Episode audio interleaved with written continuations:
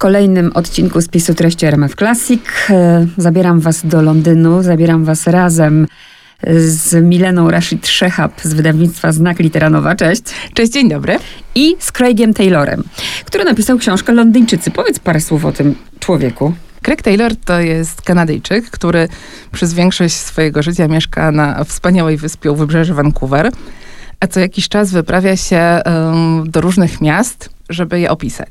Ostatnio był w Nowym Jorku, czego efektem jest książka Nowojorczycy, którą wydaliśmy we wrześniu, a teraz Londyńczycy jest jego wcześniejsza książka, ale to też jest portret miasta, jedyny w swoim rodzaju. On ma taki pomysł, żeby opisywać miasta przez ludzi. Wyjeżdża na kilka lat, na przykład właśnie do Londynu, rozmawia z ludźmi. Rozmawia po prostu z Londyńczykami, starymi, młodymi, z każdej grupy wiekowej, e, z, każde, z każdej grupy społecznej. Znajduje niesamowite historie, prezentuje miasto tak, jak właściwie każdy, kto do niego jedzie, chciałby je poznać, a rzadko kto ma okazję. Czyli nie przez przewodnik, ale przez taki przewodnik ludzki. Jego oczami Londyńczycy, miasto i ludzie. To się bardzo szybko czyta. Mówię wam, drodzy słuchacze i drogie słuchaczki, mimo że ta książka naprawdę imponujących rozmiarów jest. 400 e, stron, fajnie wydana, wygodnie się trzyma. Pierwsze, co zrobiłam, powiem ci, jak otworzyłam i mamy e, mapę dzielnic Londynu, to napisałam do mojej koleżanki, która mieszka w Londynie, w której dzielnicy mieszka. I to było dla mnie takie cudowne, bo ona mi od razu opisała i mogłam sobie to, bo nie mieszkałam nigdy w Londynie, ja mieszkałam w Leeds. Mhm. Zresztą znajduje się tu bohater z Leeds, tak. który jedzie do Londynu. Nie wiem, czy policzyłaś, bo ja nie policzyłam, ilu tu mamy bohaterów? E, około 80. Wow. Tak. Czyli to są takie krótkie strzały i ich perspektywa. A powiedz kompozycyjnie, jak jest podzielona ta książka? E, ta książka to jest kilka takich podróży, które, z których każda ma jakiś klucz. Pierwsza to jest taka podróż, powiedzmy, śladami takiego e, najprostszego Londynu. Jest tam pałac Buckingham, jest metro, jest e, człowiek, który mieszka na co dzień w zamku Tower. Druga część to jest takie miasto, które czujemy na, na ulicach. To jest miasto targowisk, wędkarzy, którzy są, jak się okazuje, dosyć istotną częścią tej miejskiej społeczności. To są tacy ludzie, których, e, których widzimy gdzieś tam w przelocie. Potem są takie, są takie grupy, których nie widzimy, które są za różnymi zamkniętymi drzwiami. Bo tam są na przykład jedna z moich ulubionych w ogóle e, opowieści, to są adwokaci. Mhm. To są ludzie z City, którzy opowiadają, jak w ogóle wygląda praca z City, w City y, z ich perspektywy. To jest pani, która jest kierowniczką Urzędu Stanu Cywilnego, ale też y, na przykład przedsiębiorca pogrzebowy, czy jakiś renowator zabytkowych zegarów. I to są ludzie też, którzy, większość z nich mieszka w Londynie, albo na jakimś etapie tam zamieszkała, albo mieszka od zawsze, ale też ostatnia część to są pożegnania. Tam występują ludzie, którzy e, zetknęli się z Londynem, ale już ich tam nie ma. To muszę powiedzieć jest jedna, e, jedna z najbardziej takich intrygujących części dla mnie, ponieważ tam się wypowiada jedyna bohaterka, która jest Polką. Tak. Jest to pani Ludmiła Olszewska. I muszę przyznać, że tak mi się podobała jej opowieść, że Chciałam ją znaleźć nie wiem, czy to jest możliwe, ale jeśli pani Ludmiła Olszewska, która miała kilkuletnią wtedy córkę Aleksandrę nas słyszy, to może e, dałoby się jakoś ją znaleźć i porozmawiać, jak ona dziś z tej swojej perspektywy już kilku czy kilkunastoletniego rozstania z miastem, ma, e, e, czy te wspomnienia są takie same, czy zupełnie inne. Jeżeli znacie tę panią, to gdzie się kontaktować? Najlepiej proszę e, skontaktować się e, z nami za pośrednictwem mediów społecznościowych albo na profilu znaku na Instagramie, albo na Facebooku, albo na TikToku. Jeśli znacie Państwo panią Ludmiłę Olszewską, która miała córkę Aleksandrę, bardzo będziemy wdzięczni e, za jakiś sygnał. No i trzymamy kciuki. Mnie się spodobało to, jak on we wstępie, autor oczywiście, mówiąc on, unikałem oficjalnych głosów, nie interesowała mnie właśnie lokalna polityka, komunikaty z ratusza, nie chciał frazesów, chciał właśnie konkretnie konkretnych ludzi. Ja się tak wiesz, technicznie zastanawiałam też nad tym, gdyby mnie ktoś teraz zapytał w Krakowie, to czy taki ktoś musi mieć moją zgodę na to, żeby to okazało się w książce? Pytam, bo nie wiem. Tak, wydaje mi się, że tak. Na pewno my tak robimy, e, wydając książki polskich autorów z polskimi bohaterami, wszyscy e, podpisują zgody e, na wykorzystanie wizerunku, albo są to takie zgody mailowe, albo czasami nagrywamy je. Chodzi o to, żeby ktoś wiedział, gdzie się wypowiada i gdzie taka, gdzie, gdzie taka jego historia trafi. Więc... Trochę roboty miał w takim razie, no bo tutaj... On miał bardzo dużo roboty, bo pamiętajmy, że te, te historie to są tylko nieliczne z tych, które on spisał przez cały, e, przez cały czas pracy nad książką. Tam było ich ponad 200 chyba. Tak, tak, więc totalne creme de la creme. Pamiętam, że ja kiedyś miałam e, przyjemność e, robić e, wywiad z autorem, jeszcze zanim, zanim byłam wydawczynią i on mi opowiedział o jednej z najbardziej pamiętnych kolacji, którą miał z jednym z bohaterów.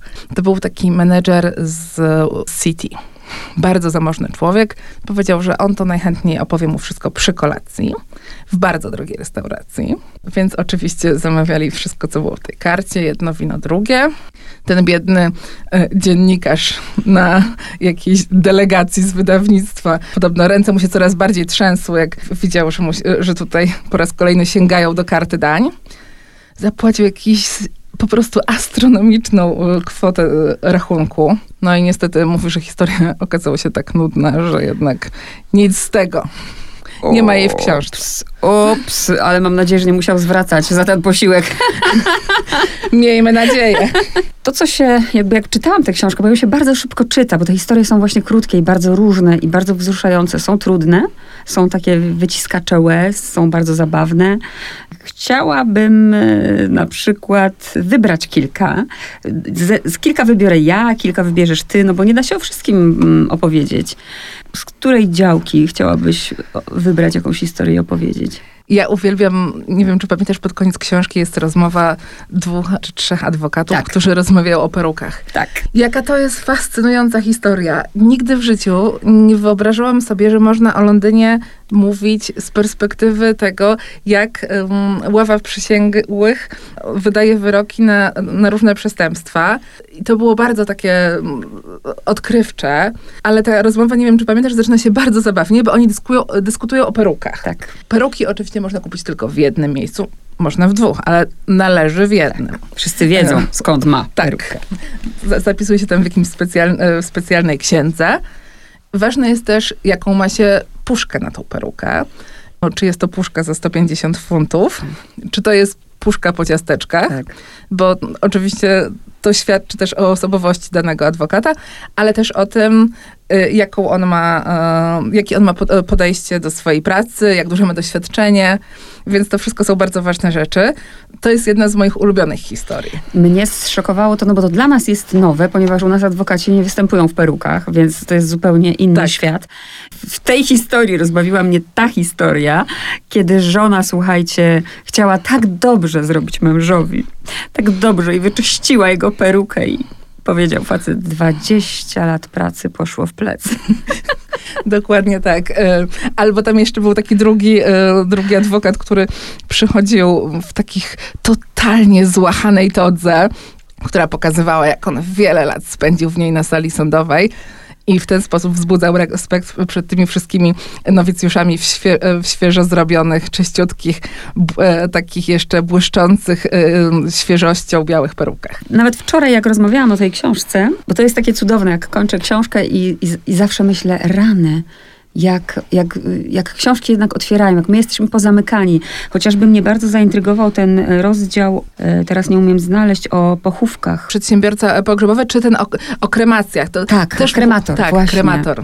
Tak. Ponieważ e, no, u nas już kremacja staje się coraz bardziej popularna, też już nie jest to niczym nowym, ale nigdy bym też, e, widzisz, nie wpadła na to, żeby z takiego punktu rozmawiać. Ten kremator jak on myśli, jak on widzi na przykład w Polakach potencjał, prawda?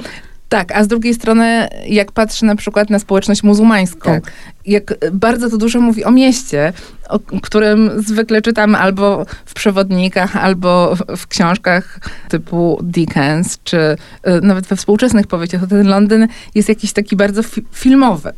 A tutaj zupełnie perspektywa, której, y, no, no, która nikomu nie przyszłaby do głowy. I przeczytajcie sobie koniecznie ten rozdział, bo możecie dużo zaoszczędzić. To już mówię teraz do Polaków przybywających, którzy no bardzo często jednak wybierają później ten pochówek swój w Polsce, prawda? I, I to, jak to może wyglądać, to było bardzo ciekawe. Powiem ci też z takim mm, wdechem, czytałam rozdział o policjancie, bo my tu mamy nazwiska, konkretne imiona, nazwiska, dlatego tak jak mówiłam, dużo roboty facet wykonał. Jak niebezpieczna jest to praca, mam na myśli Londyn, nie? że są nawet takie dzielnice, pewnie w Warszawie też są, gdzie jednak policjanci wolą się nie zapuszczać próbowałam jakby wczuć się w, w tę sytuację, to no, przerażające. Nie chciałabym być policjantką w Londynie.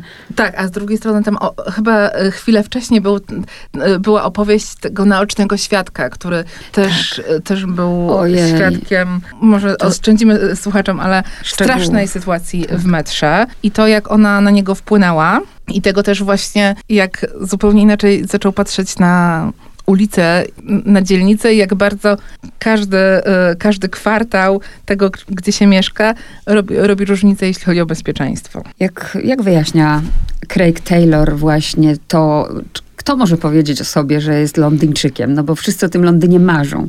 Jadą z tego Leeds, z tego Newcastle. Jak mówisz, że jesteś z Sheffield, to... A jak mówisz, że jesteś z Londynu, to już, prawda, możesz wszystko. Co no, znaczy być Londyńczykiem?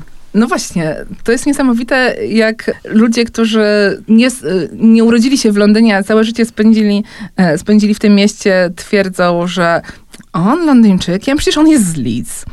Albo o, jest taka pani, która jest francuską, przyjechała tam śpiewać i cały czas się uważa za francuską, mimo że spędziła tam całe życie. Tak już się totalnie upodobniła do Anglików, jeśli chodzi na przykład o poziom uprzejmości czy bezpośredniości.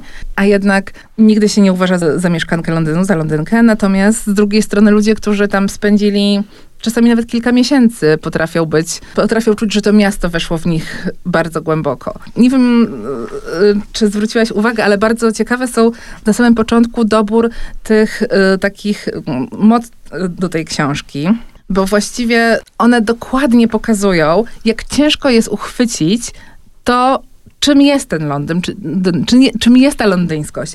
Przecież tutaj jest od, od Szekspira po przewoźnika z Nattamizy, którego podejrzewam, że spotkał tak. autor podczas których ze swoich wędrówek. Szczególnie ostatni cytat wzbudził moje zainteresowanie. Pozwolę zacytować. Jeśli Londyn jest jeden, to ja mam dwa tyłki. Dokładnie tak. I, to nie Szekspir. to, nie, to, to nie był Szekspir, to prawda. Natomiast autor też pokazuje jak on się zmienia pod wpływem Londynu, jak w niego ten Londyn wchodzi. Właściwie to poszukiwanie, które zaczyna się od chodzenia z tak zwaną azetką, czyli z czymś, co dzisiaj już jest może troszeczkę passé, czyli taką kieszonkową mapą Londynu. Coraz lepiej znamy poszczególne strony, jak coraz bardziej wytarte są brzegi, sprawia, że trochę mniej jesteśmy y, obcy w tym mieście. I też e, ta historia zrobiła na mnie wrażenie, bo tak się mówi też o Nowym Jorku chyba, że, że to jest miasto możliwości. Że możesz przyjechać i z Leeds bodajże, o ile pamiętam, e, przyjechał ten bohater, który no, miał na swoim koncie wyrok.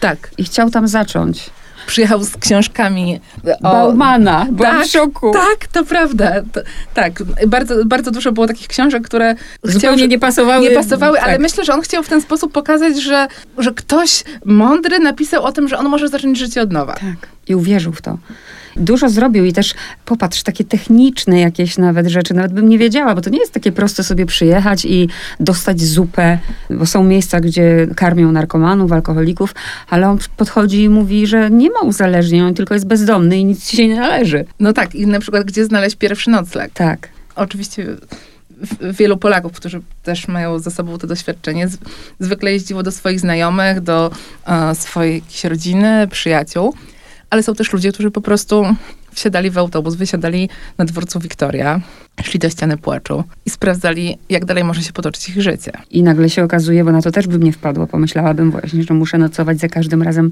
w innym miejscu, żeby nic mi się nie stało. A tu się okazuje, że właśnie to jest bardzo ważne, że cię spiszą, że trafisz na jakąś listę i masz szansę, żeby to nowe życie rozpocząć. Tak, tak. To spisanie trzy razy to właściwie jak mantra się pojawia w tak. niektórych opowieściach. Też byłam zaszokowana, bo tu się znowu pokazuje, jaka jestem y, zaściankowa i powiem to wprost. Wiesz, zrobiły na mnie wrażenia, bo tu dużo jest o tym Londynie młodych ludzi, takich takich młodych, takich 30-20-latków, że oni jadą do tego Londynu mówiąc wprost, po miłość, wiesz co mam na myśli? Seks, otwartość na ten seks. No niektóre historie były wręcz wstrząsające.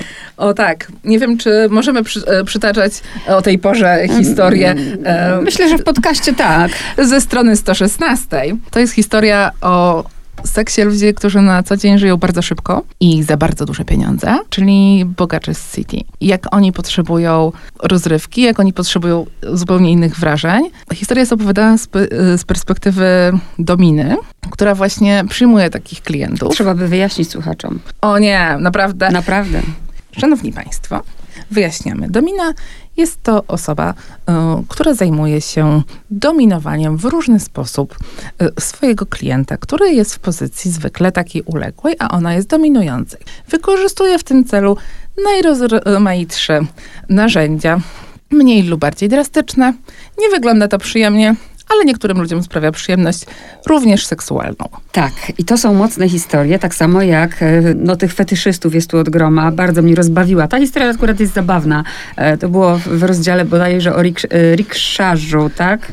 Gdzie jeden gość fotografował stopy. Polak, Andrzej, prowadził, jechał i, i ktoś mu fotografował te stopy. I skarpe za skarpetkę, za przejazd rikszą płacił 5 płacił 5 funtów chyba, a za skarpetkę, którą chciał, zapłacił mu 100 funtów i powiedział, że za dwa tygodnie przyjedzie i kupi drugą. I wszyscy mu pozostali zazdrościli, bo zarobił 240 funtów, a historia jeszcze ma swój koniec za oceanem, bo okazało się, że dostał mail, mail czy informację przez Messenger, że ktoś komuś pokazał to właśnie zdjęcie z tymi stopami Andrzeja. Nie, no to są historie. Niesamowite są te historie. A nie wiem, czy pamiętasz, jeśli chodzi o takie dziwne artefakty, historię tego artysty, który postanowił e, wyrzeźbić Londyn. I on zupełnie nie wiedział, jak to zrobić. I podjął się rzeczy absolutnie obrzydliwej, czyli szukania e, włosów mieszkańców. Na szczęście znalazł w sobie tylko e, jedno miejsce, gdzie ich szukał. Było, było to metro, wagony metra. I chodził albo z, z takimi, al, albo z taką to, torebką z Tesco, do której wrzucał znalezione włosy, albo z jakąś taką pensetką, do której chował wszystkie swoje znaleziska, po czym chował je za pazuchę i mógł e, już gotowy pójść na jakieś, spotkanie tam. Opowiadał, że z, z lordem i z lady jakimiś tam bo była to e, taka kolacja artyści e, plus socjeta londyńska, a on po prostu zbierał te włosy, ponieważ stwierdził, że to jest bardzo ważna część tego miasta i zrobił z nich część głowy. Ale może nie opowiadajmy reszty, nie, bo to jest oczywiście. naprawdę fascynująca historia. Chciałabym zobaczyć e, tę rzeźbę na żywo. Niestety nie mamy jej tutaj e, na zdjęciu, ale jest tak opisana, że myślę, że każdy jest w stanie sobie wyobrazić, jak to dokładnie wygląda. Ale właśnie, zdjęć brakuje, nie? Szkoda, że nie ma zdjęć, bo to by rzeczywiście bardzo, bardzo pomogło, ale wyobraźnia też robi swoje. Historia goni historię. Na mnie też zrobiło wrażenie z racji takiej, że długie lata pracowałam jako nauczycielka i wiesz, naprawdę ja sobie pomyślałam, jacy nasi uczniowie grzeczni cudowni wspaniali, a, a nauczycielka mówi, a co, że mi tam kradną telefon raz na trzy miesiące, to już mnie nie dziwi. Tak, to jest niesamowite w ogóle, jak zupełnie z innej strony można zobaczyć miasto. E, muszę powiedzieć, że, jeśli mogę opowiedzieć taką osobistą historię, Oczywiście. że właściwie ta książka to jest dla mnie jedyny taki obraz miasta, które było dla mnie bardzo długo ważne. Ja tam przez jakiś czas mieszkałam, ale nigdy nie mogłam sobie wyobrazić, co siedzi w głowach tych wszystkich ludzi, których spotykam na co dzień. O Londynie można przeczytać bardzo dużo książek. Przecież cała ogromna literatura właściwie odkrywa przed nami wszystko od, e, od tej niesamowitej architektury, historii. Są całe wielkie książki dotyczące kanałów, podziemi yy, i piwnic. Natomiast co się dzieje w głowach mieszkańców miasta, kim oni są, czym oni żyją, czym jest dla nich Londyn, to jest właściwie coś, co bardzo ciężko jest z ludzi wy wyciągnąć. No bo jak? Możemy sobie wejść do dowolnej kawiarni, ale przecież nie przysiądziemy się, przynajmniej w Wielkiej Brytanii, do nikogo i nie zapytamy, co właściwie robisz w życiu, y, co cię fascynuje, dlaczego tu jesteś, skąd się wziąłeś. Autor właśnie to za nas robi. Craig Taylor, kochani Londyńczycy, miasto i ludzie, gorąco polecamy. Bardzo Ci dziękuję za wizytę. Bardzo dziękuję. Czy możemy jeszcze podkreślić, że wspaniale przełożył tę książkę Łukasz Witczak? Tak. Naprawdę Mistrzostwo Świata. Przyznasz, że jeśli chodzi o oddanie tego języka, to jest coś niesamowitego. A jeszcze powiedz słuchaczom, bo okładka też jest cieka ciekawa i myślę, że oddaje właśnie to, o czym jest e, cała książka. Tak, te tęczowe paski są y, zupełnie nieprzypadkowe. Są to linie metra. Milena Rashid Szachab, dzięki. Bardzo dziękuję.